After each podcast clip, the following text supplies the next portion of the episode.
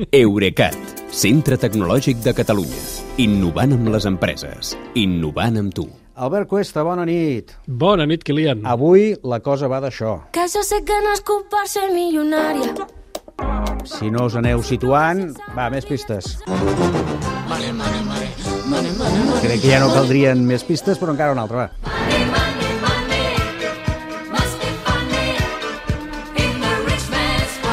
Albert, això va de dinerets. Meta Sí. imita Twitter introdueix a Facebook i Instagram les identitats verificades de Money Money, de pagament. Uh, sí, ara que Mark Zuckerberg tenia l'oportunitat de desmarcar-se de l'Elon Musk i no repetir les excentricitats, diguem-ne, que aquest home està fent a Twitter, va i segueix el seu exemple pas per pas. A partir d'aquesta setmana, a Austràlia i Nova Zelanda, i més endavant també a la resta del món, els usuaris de Facebook i d'Instagram podran abonar-se a la modalitat Meta Verified, que afegirà al seu perfil una insígnia blava d'identitat verificada eh, verificada apuntant, aportant algun document oficial. Ja. Meta també diu que els abonats, o sigui, els que paguin Money, eh, gaudiran de protecció proactiva contra suplantacions, de poder de comunicar-se amb un operador d'atenció al client per resoldre problemes amb el perfil, que és una cosa que hi ha molta gent que reclamava, mm. i finalment eh, que les seves, les seves publicacions tinguin més visibilitat a la plataforma. Eh, vull dir que es vegin de manera preferent a les cerques, als comentaris i les recomanacions per sobre de les altres. Molt bé, tot això és el que diuen que faran, però i el cost d'això? Perquè ja entenem que no serà money for nothing, eh? Quan costaran tots aquests suposats avantatges? Doncs amb això Meta també segueix les passes de Twitter, però hi posa un preu més car, ni que sigui perquè l'audiència potencial a Instagram i a Facebook és més gran que la de Twitter.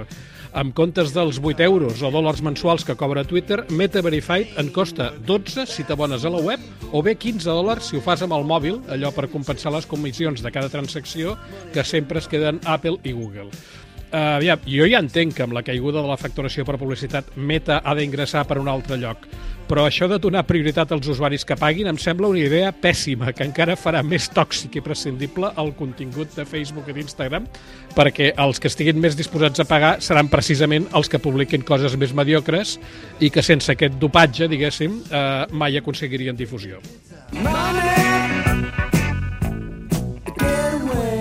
De Meta passem a Twitter, encara amb el mateix lligam del Money, eh? perquè també ha fet canvis en un altre tipus de verificació. Sí, avui tenim verificació al quadrat, diguem-ne. Eh, Des d'aquest cap de setmana, els usuaris de Twitter que no paguin els 8 euros mensuals de la modalitat Blue, que ja n'hem parlat moltes vegades, i que tinguin protegit el seu perfil amb una cosa que en diem autenticació de doble factor per missatge, SMS, estan avisats de que se'ls desactivarà aquesta funció. L'autentificació de doble factor és allò que sempre ens recomanes tu per activar a Twitter i a tot arreu, a més a més, eh? Sí, perquè és el que evita que algú et pugui suplantar, perquè per connectar-se al teu perfil no hi ha prou amb el teu nom d'usuari i la contrasenya, sinó que a més hi has d'afegir un codi de confirmació que només tens tu perquè t'arriba al teu telèfon.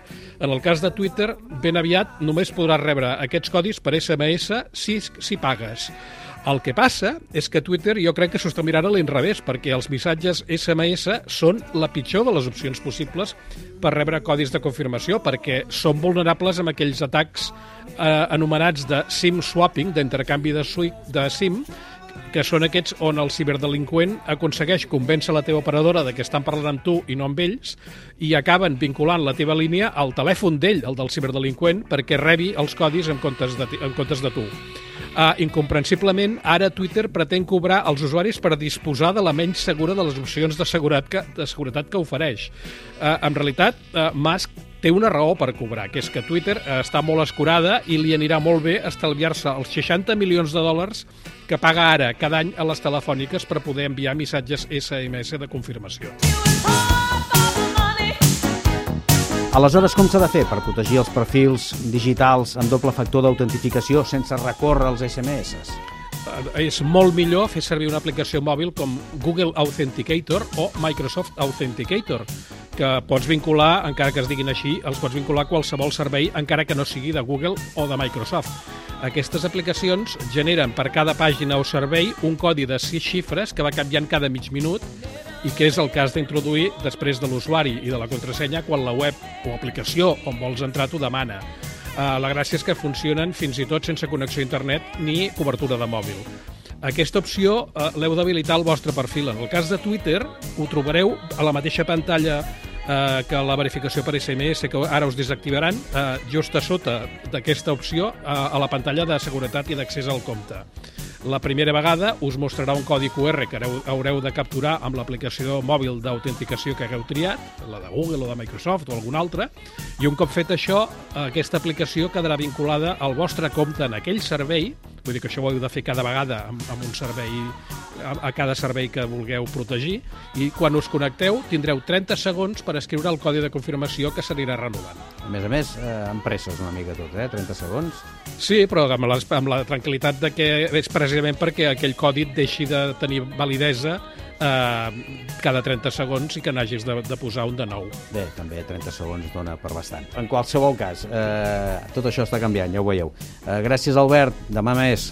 Bona nit, Kilian. Fins demà. Eurecat, centre tecnològic de Catalunya. Innovant amb les empreses. Innovant amb tu.